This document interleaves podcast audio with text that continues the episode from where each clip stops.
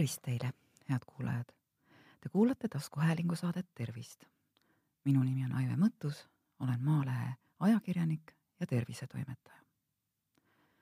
tänases saates räägime me erakorralisest meditsiinist ja sellest, mis toimub haiglate erakorralise meditsiini osakondades. nädal tagasi avaldas Riigikontroll auditi tulemused ja, ja sellest saadik on puhkenud üsna suur kisa-kära eh, teema ümber. ärritunud on nii arstid kui, kui patsiendid. Mm, mis nendes erakorralise meditsiini osakondades siis lahti on? Eh, mis seal toimub? no kui te käinud olete, siis teate, et, et ooteaeg suuremates linnades, Tallinnas ja Tartus, EMO-des on neli-viis tundi. ja kurb tõsiasi on see, et äh, väga suur osa nendest patsientidest, kes seal toolide peal oma järjekorda ootavad, tegelikult ei vaja erakorralist meditsiinilist abi. Äh, riigikontrolli audit ütleb, et möödunud aastal koguni viiskümmend seitse protsenti nendest, kes EMO-s käisid, poleks pidanud sinna üldse minema. Ja seetõttu, et seal nii paljud käivad, kes seal käima ei peaks, tulebki neil, kes tegelikult vältimatut ja erakorralist meditsiiniabi vajavad, pikalt-pikalt oodata. tegemist ei ole mingisuguse üleeile tekkinud nähtusega ega uue probleemiga. juba, juba seitse aastat tagasi tegi Riigikontroll samasuguse auditi ja sellest ajast saadik on see probleem, ehk siis nende inimeste arv, kes EMO-sse pöördub, kuigi nad sinna üldse minema ei peaks, kasvanud äh, kolmeteistkümne protsendi võrra ja seda on tegelikult väga palju. lisaks sellele, et, äh, et EMO-des on järjekorrad, on asjal ka teine aspekt. ja, ja see on, see on raha. ehk et tegelikult on EMO ehk erakorralise meditsiini osakond tervishoiusüsteemis äh, kõige kallim koht patsiendi ravimiseks. Äh, kui te lähete näiteks kaebusega, mm, et teil tekkis kaks tundi tagasi nohu, muide selliseid kaebusi EMO-s esineb, siis selle mure lahendamine EMO-s maksab neli korda rohkem kui perearsti juures. päris kõnekas fakt eks.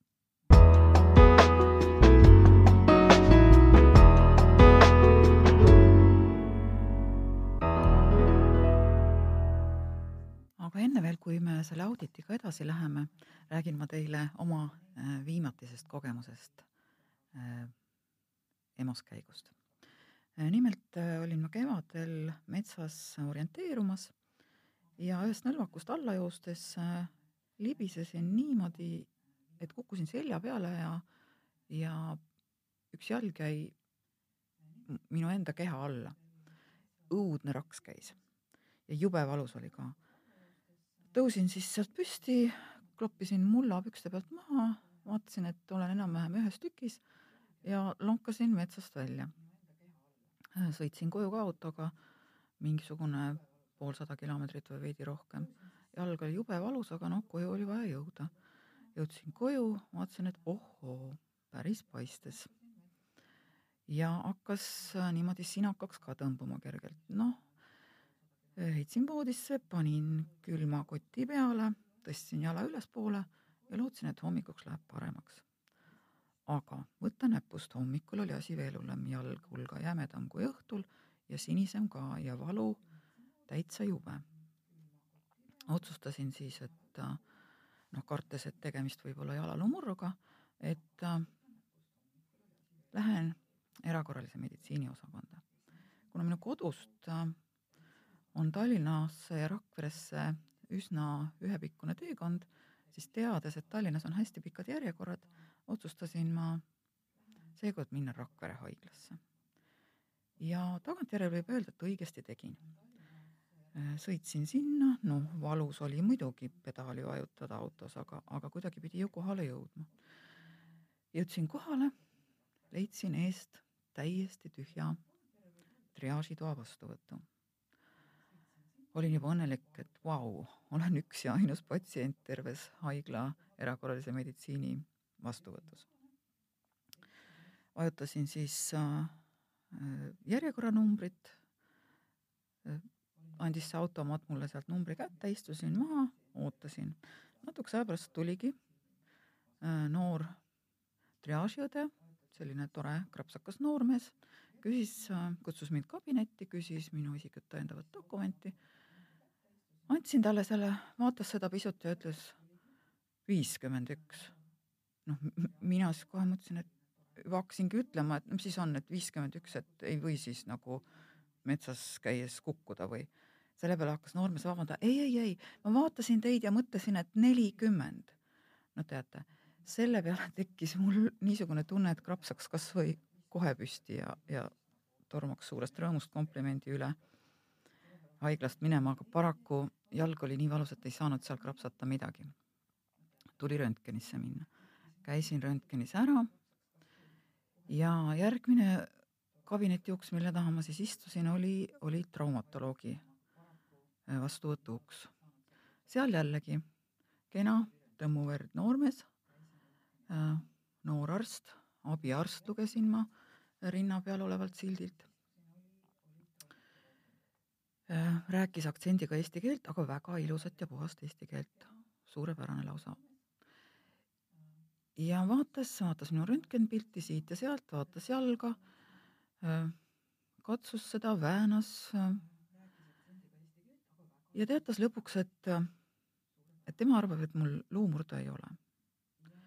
soovitas panna ikkagi külma peale, rahulikult äh, kodus lamada ja, ja sportimisega siis nii kaua oodata, kui jalg terveks saab. ja nii ma tegingi. tõesti, luumurdu nagu tagantjärele selgub, ei olnud, võttis kuu aega aega, aga jalg paranes. ja minu kogemus EMO-st oli küll seekord väga meeldiv, jääb loota, et ma peatselt sinna enam ei satu. aga igatahes tõesti, Rakvere haigla erakorralise meditsiini osakonda mina kiidan. kuid lõpetuseks veel, et, et kui ma läksin visiiditasu tasuma sinna kuhugi tahapoole ruumidesse, selgus, et, et ma tõesti ikkagi ei olnud üksi seal vastuvõtus patsiendina kõik need voodid, mis seal kardinate taga olid, äh, ägavaid inimesi täis, lihtsalt äh, see on see osa äh, meditsiinipersonali tööst, mis otseselt haigla uksest sisse astudes välja ei paista.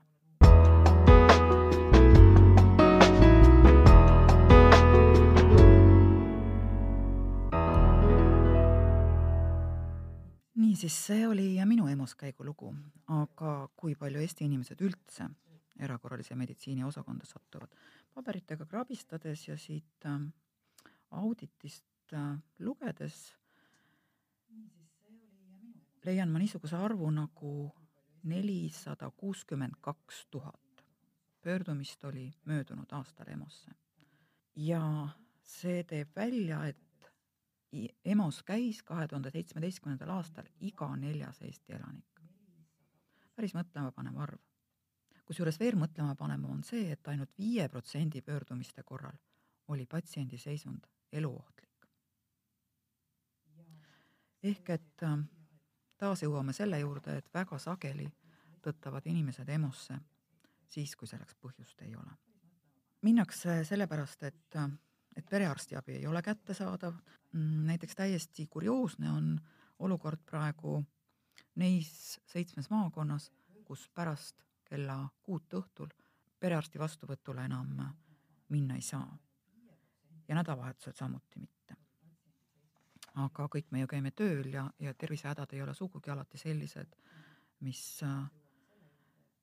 mis sunniks töölt ära jääma ja, ja siis selleks perearsti juurde minema. teine põhjus, mida Riigikontroll välja toob, on see, et eriarstiabi järjekord on liiga pikad ja inimesed peavad kaua ootama ja neil tekib siis tunne, et kui nad äh, lähevad EMO-sse, istuvad seal mingi viis tundi, siis selle asemel, et oodata võib-olla mitu kuud järjekorras, saavad nad kohe ja ühe korraga kõik uuringud ühest kohast tehtud ja kinnituse, et nad on terved. ja noh, mõningane huvi on siin ka haiglatel mm.. kui nende lepingu maht võimaldab, siis neid inimesi vastu võtta ja, ja viidatakse ka sellele, et, et kuna perearsti abi rahastatakse mitte visiidi, vaid pearahapõhiselt, siis see, kui kiiresti perearst inimese ägeda terviseprobleemi korral vastu võtab, ähm, tegelikult tema sissetulekut ei mõjuta. ja üks kindel sihtgrupp, kes EMO-sse jõuab ja kelle peale üsna palju raha kulub, on tervisekindlustuseta inimesed. ja noh, loogiline, et, et kuna neil tervisekindlustust ei ole, siis nad äh, kergema tervisemurega arsti juurde ei lähe. Äh, kuna see siiski maksab ja nad kannatavad nii kaua, kui vähegi kannatab kannatada ja jõuavad siis EMO-sse üsna, üsna halvas seisus ja nende peale kulub seal päris, päris palju raha. nüüd kogu see, kogu see auditi avaldamine, selle ümber meedias toimuv on perearstid tegelikult üsna pahaseks teinud ja minu meelest äh, õigusega. väga sageli inimesed ütlevad, et oh, minu perearst on nii rumal, ma ei tea, mis ma seal üldse käin. ja kui mina sellist kurtmist kuulen, siis ma, siis ma küsingi vastu, et miks te selle arsti juures siis käite, kui ta rumal on? Teil on võimalus valida endale teine perearst. Te ei ole sunnismaine, te ei ole kinnistatud selle ühe inimese juurde, äh, kelle suhtes teil lugupidamine puudub. ja samas ütlen ma ka alati, et äh, minu tuttavate hulgas on väga palju arste. Nendest mitte ükski ei ole rumal. Äh, ma olen täiesti veendunud, et arstide seas on rumalaid inimesi täpselt sama palju kui ülejäänud elanikkonnas ja see, kes nimetab oma arsti rumalaks, peaks tegelikult endale otsa vaatama sest sama suure tõenäosusega võib rumal olla hoopis tema.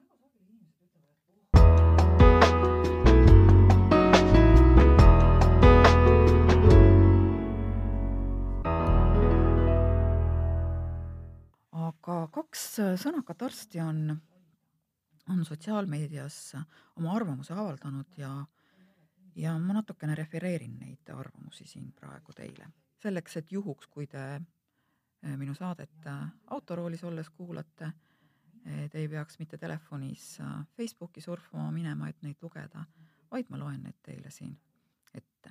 mitte küll päris otsast lõpuni, aga siiski.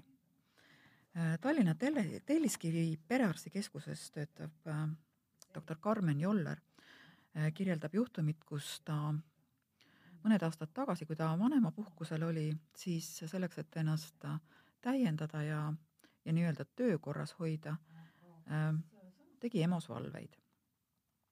ja juba esimesel päeval oli ta üsna šokeeritud sellest äh,, et üsna palju oli neid patsiente EMO-sse pöördunute hulgas, kes tegelikult oleksid pidanud minema ja abi saama perearstikeskusest, kas siis pereõelt või, või perearstilt.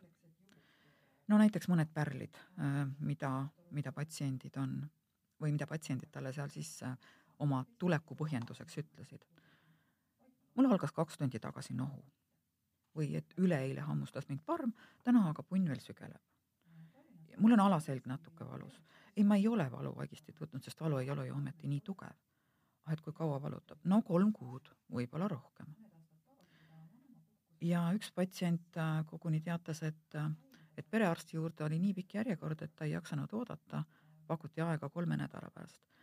Äh, doktor Joller vaatas seda patsienti täiesti uskumatu näoga, sest sellised kaebused, nagu tal olid, oleksid andnud aluse võtta ta vastu samal päeval. ja perearstid tõesti võtavad ka ägedaid haigeid samal päeval vastu, kui vaja. Doktor Joller võttis telefoni ja helistas sellesse perearstikeskusesse ja mis siis selgus? selgus, et äh, patsiendile pakuti samaks päevaks kella kaheks aega, aga see talle ei sobinud. nüüd kell oli pool kolm, kui, kui EMO-s see kohtumine toimus. ja patsient oli oodanud seal juba selleks ajaks viis tundi. ka homne aeg äh, ei sobinud pere, patsiendile, sest et siis ta ütles, et peab komandeeringusse minema ja esimene sobiv aeg oligi kolme nädala pärast. nii et kogu seda telefonikõnet äh, kuulis ka loomulikult pealt patsient, kes siis saades aru, et ta on valetamisega haledalt vahele tõmmatud, oma toolis järjest vaiksemaks jäi ja sügavamale vajus sinna. ja mis tundub paljudele mm, patsientidele, kes EMO-sse lähevad, üllatav, on see, et neid teenindavad või mitte teenindavad siis, vaid võtavad ka vastu seal perearstid. Nad loodavad, et neid vaatab läbi kõrge kvalifikatsiooniga erakorralise meditsiini arst, aga ohoo, hoopis perearst. ja see on tõesti äh, päris tavaline äh, praktika erakorralise meditsiini osakondades, et äh, neid patsiente, kelle elu ja tervis kiiret sekkumist ei vaja, vaatab seal läbi perearst. Samas loomulikult on doktor Joller puudutatud Riigikontrolli auditist ja, ja ka kriitiline selles suhtes. kuid ta ütleb, et tegelikult ilmselt ei pruugi põhjus olla selles, et perearstid töötaksid kuidagi halvasti või, või perearsti abi kvaliteet oleks vilets. ja samas ei süüdistada ka inimesi, kes avatud uksest sisse lähevad, sest süsteem ju, ju lubab seda. Ja ütleb üsna otse, et seni, kuni EMO uksed kõikidele soovijatele, mitte ainult abivajajatele valla on, ei muutu mitte miski. isegi siis mitte, kui perearstikeskused kõik oleksid tippkvaliteediga. nii et selline arvamus.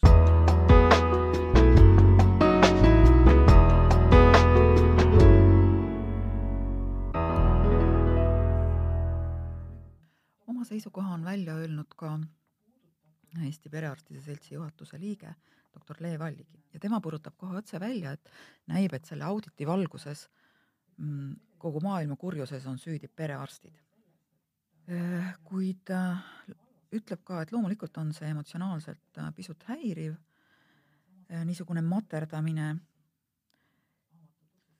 samas ütleb ta, et, et tegelikult on perearstid äh, juba harjunud selles, et nad kõiges süüdi on ja loodab, et, et arstid on piisavalt tugeva selgrooga selleks, et Riigikontrolli auditist ratsionaalseid järeldusi teha ja perearstikeskustes siis oma asja edasi ajada. palju no murelikumaks teeb aga teda kogu see trall, mis meedias praegu toimub, patsientide seisukoha pealt sellest, kuidas patsiendid asja tõlgendavad.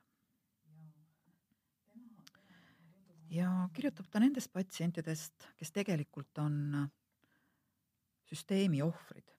ehk et kui süsteem soosib mitte erakorraliste hädadega EMO-sse minekut, siis paratamatult on hulk selliseid inimesi, kes peavad EMO-s tõelise tervise, erakorralise tervisehädaga pikalt ootama või siis kes saavad selle hurjutamisest et ärge minge sinna istuma, aru niimoodi, et arst, nagu arst ei tohiks üldse tülitada.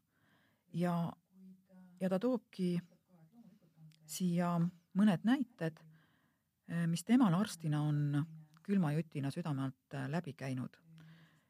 siis inimesed, kes on tulnud perearstikeskusse, olgugi et nad peaksid tegelikult hoopis minema kiiresti-kiiresti eh, erakorralise meditsiini osakonda näiteks ühel päeval jõudis tema juurde vastuvõttu proua, äh, kelle üks käsi ei liikunud enam ja pool nägu oli viltu, ehk et tõenäoliselt oli tegemist insuldiga või siis härra, äh, kellel öösel lõid väga tugevad valud rindu. ta lootis, et need lähevad hommikuks üle, kuid äh, ei läinud, sellest hoolimata istus ta autorooli ja sõitis seitsekümmend kilomeetrit äh, perearsti vastuvõtule, kusjuures mõned korrad oli ta sunnitud oma auto valu tõttu tee ääres äh, kinni pidama. või siis äh, eakas proua, kes mitu kuud kildudeks murtud õlavarreluuga ringi käis, enne kui ta otsustas, et, et nüüd on tõesti häda nii suur, et võiksin perearsti juurde minna. ja kui siis doktor Vallikivi nende inimeste käest küsib, et, et armas aeg, kus te varem olite, miks te kiirabi ei kutsunud, siis saab ta tavaliselt vastuseks, et noh, mis ma siis nüüd ikka, et ma ei tahtnud arsti tülitada, et neil niigi raske. ja doktor Vallikivi kirjutab veel, et, et, et tema palve ongi see, et kui see jagelemine teemal, kes äh, milles parajasti süüdi on, et EMO-d on ülerahvastatud ja sinna jõuab äh, väga palju inimesi, kes seal olema ei peaks, siis äh, ja, ja kuhu kadus ka siis äh, raha, jutt muide ei ole mingist kahest sendist, vaid äh,, vaid miljonitest, sest äh, tõesti ravi EMO-s on kallis ja kui möödunud aastal oli EMO raviarvete maksumus sada viiskümmend kolm miljonit, siis äh, perearstiabile kulus tunduvalt vähem, ainult sada neliteist miljonit. nii et ühesõnaga loodab doktor Vallikivi, et, äh, et meil oleks jõudu ja mõistust teha selliseid otsuseid, mis toetaks kõiki neid maailma kõige tublimaid ja tagasihoidlikumaid inimesi, kes erakorralist abi ka päriselt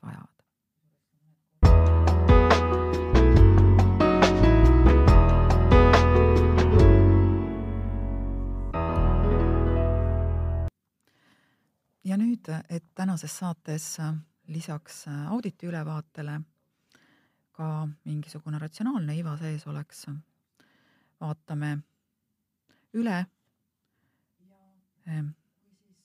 Eesti Perearstide Seltsi ja Eesti Erakorralise Meditsiiniarstide Seltsi poolt koostatud juhendid, millal minna perearsti juurde või millal minna erakorralise meditsiini osakonda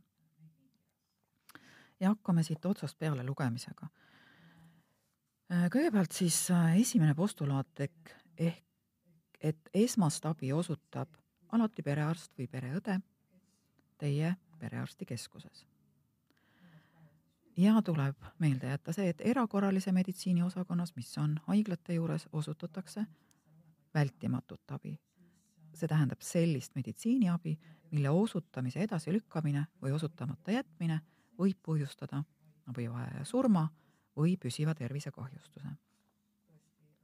ja on siin ka otse ära öeldud, et keskmine ooteaeg EMO-s on äh, üle nelja tunni. perearsti äh, või pereõe juurde saab aga visiiti planeerida. ja äh, nüüd on eraldi välja toodud siis juhendid lastele ja täiskasvanutele. täiskasvanute puhul on asi jagatud üks, kaks, kolm, neljaks siis niisuguseks äh, grupiks ehk sümptomite grupiks valu, trauma või õnnetus, verejooks ja ägedad seisundid. nüüd äh, valu korral, ükskõik kus see valu teil on,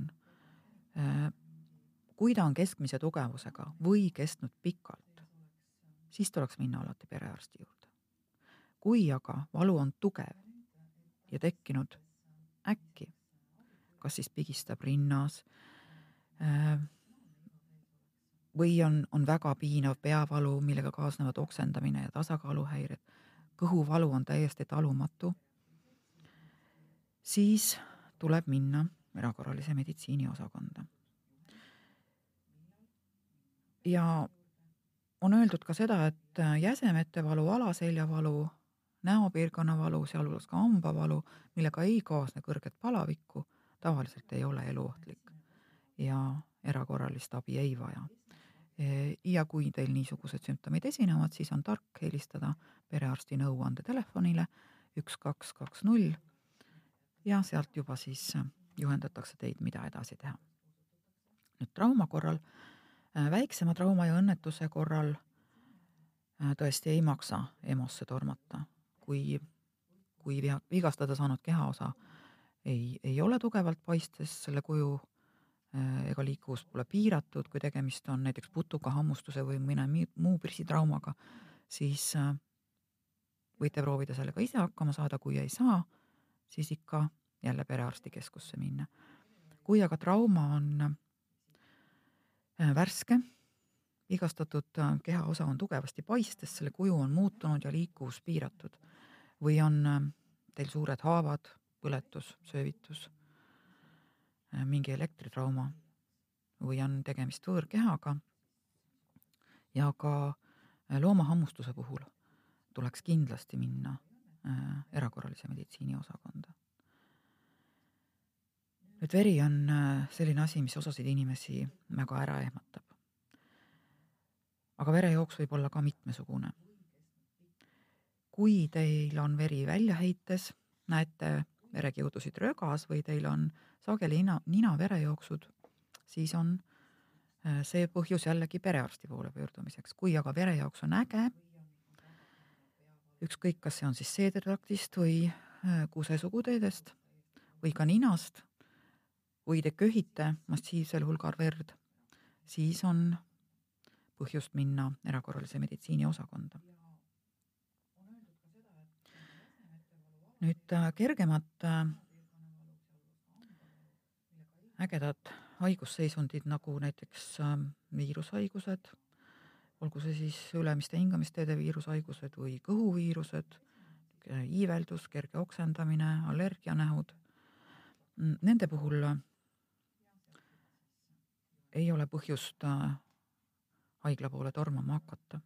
küll aga tuleb kindlasti kohe kiirabi kutsuda või siis ise äh, püüda EMO-sse jõuda, kui teil on tekkinud äh, insuldikahtlus, kas on siis äh, kõnehäire või kehapoole halvatus või nõrkus või tundlikkuse langus, näiteks vajub üks suur nurk allapoole või on tekkinud äkki tasakaaluhäire, teadvuse kaotus. ka siis tasuks EMO-sse minna, kui teil on äkki tekkinud äärmuslik nõrkus ja jõuetus või on kõrge, kõrge palavik, mis pole palava, palaviku alandajatele allunud üle kolmekümne kaheksa viie. Ja, ja vanust on ka juba omajagu. ja hingeldus, õhupuudus, raske astmahoog, äkiliselt tekkinud siis äh, hingeldus ja õhupuudus just, need on asjad, mille puhul tuleks kindlasti EMO-sse minna.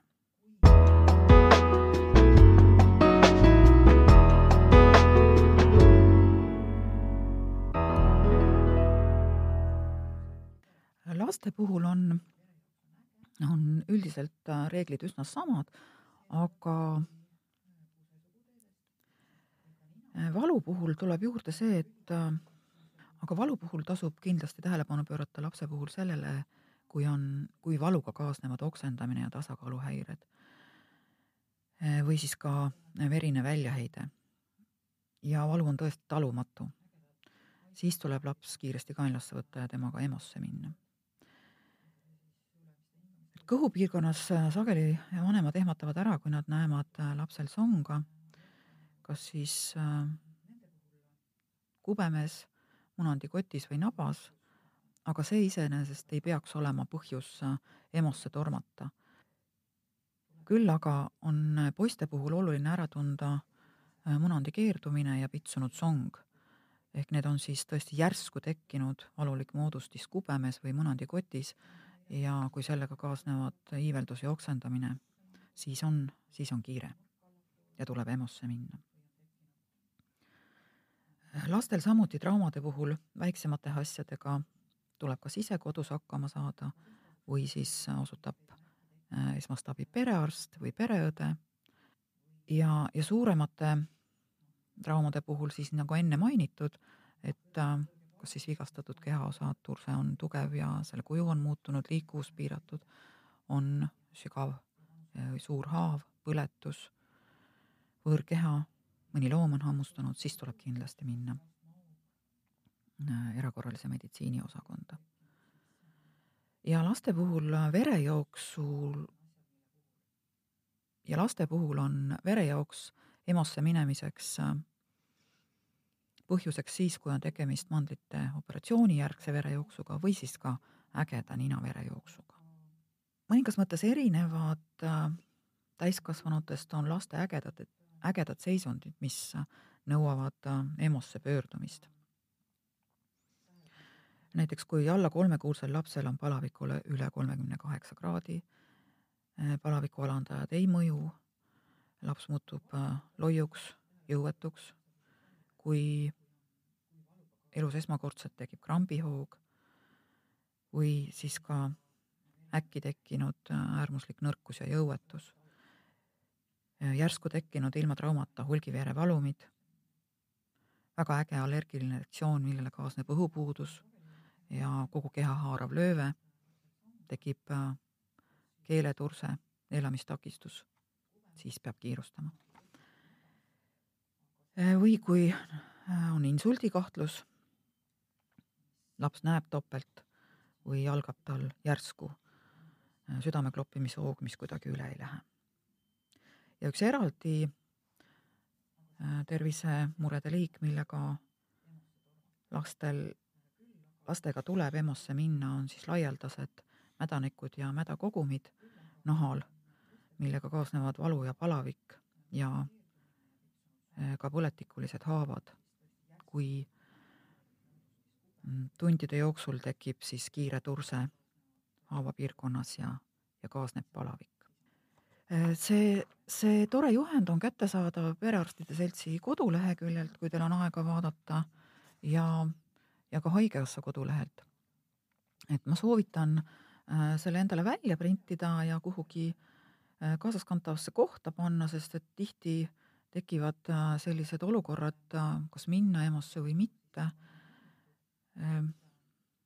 seal, kus teil arvutit käepärast ei ole ja internetis surfata ei saa, või, või juhtub äh, telefoni aku tühi olema ja seda on vaja säili-, säilitada helistamiseks, võib-olla teil üldse nutitelefoni, nii et siis on hea see paber välja võtta, äh, natukene äh, sisse-välja hingata, rahuneda, lugeda läbi ja, ja mõelda, kuhu siis pöörduda ja kas on kiire või ei ole.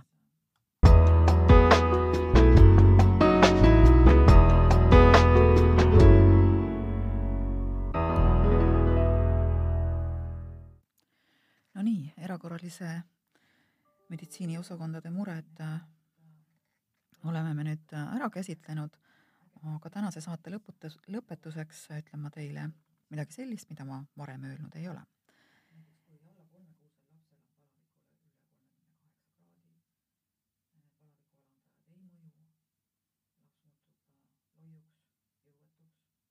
nagu te teate, on äh, taskuhäälingu saade Tervist Äh, kuulatav internetist.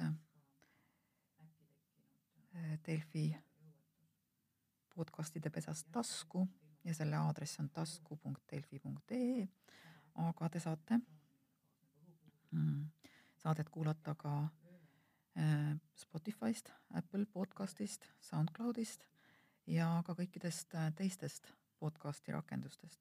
ja mida ma eriti soovitan, on see, et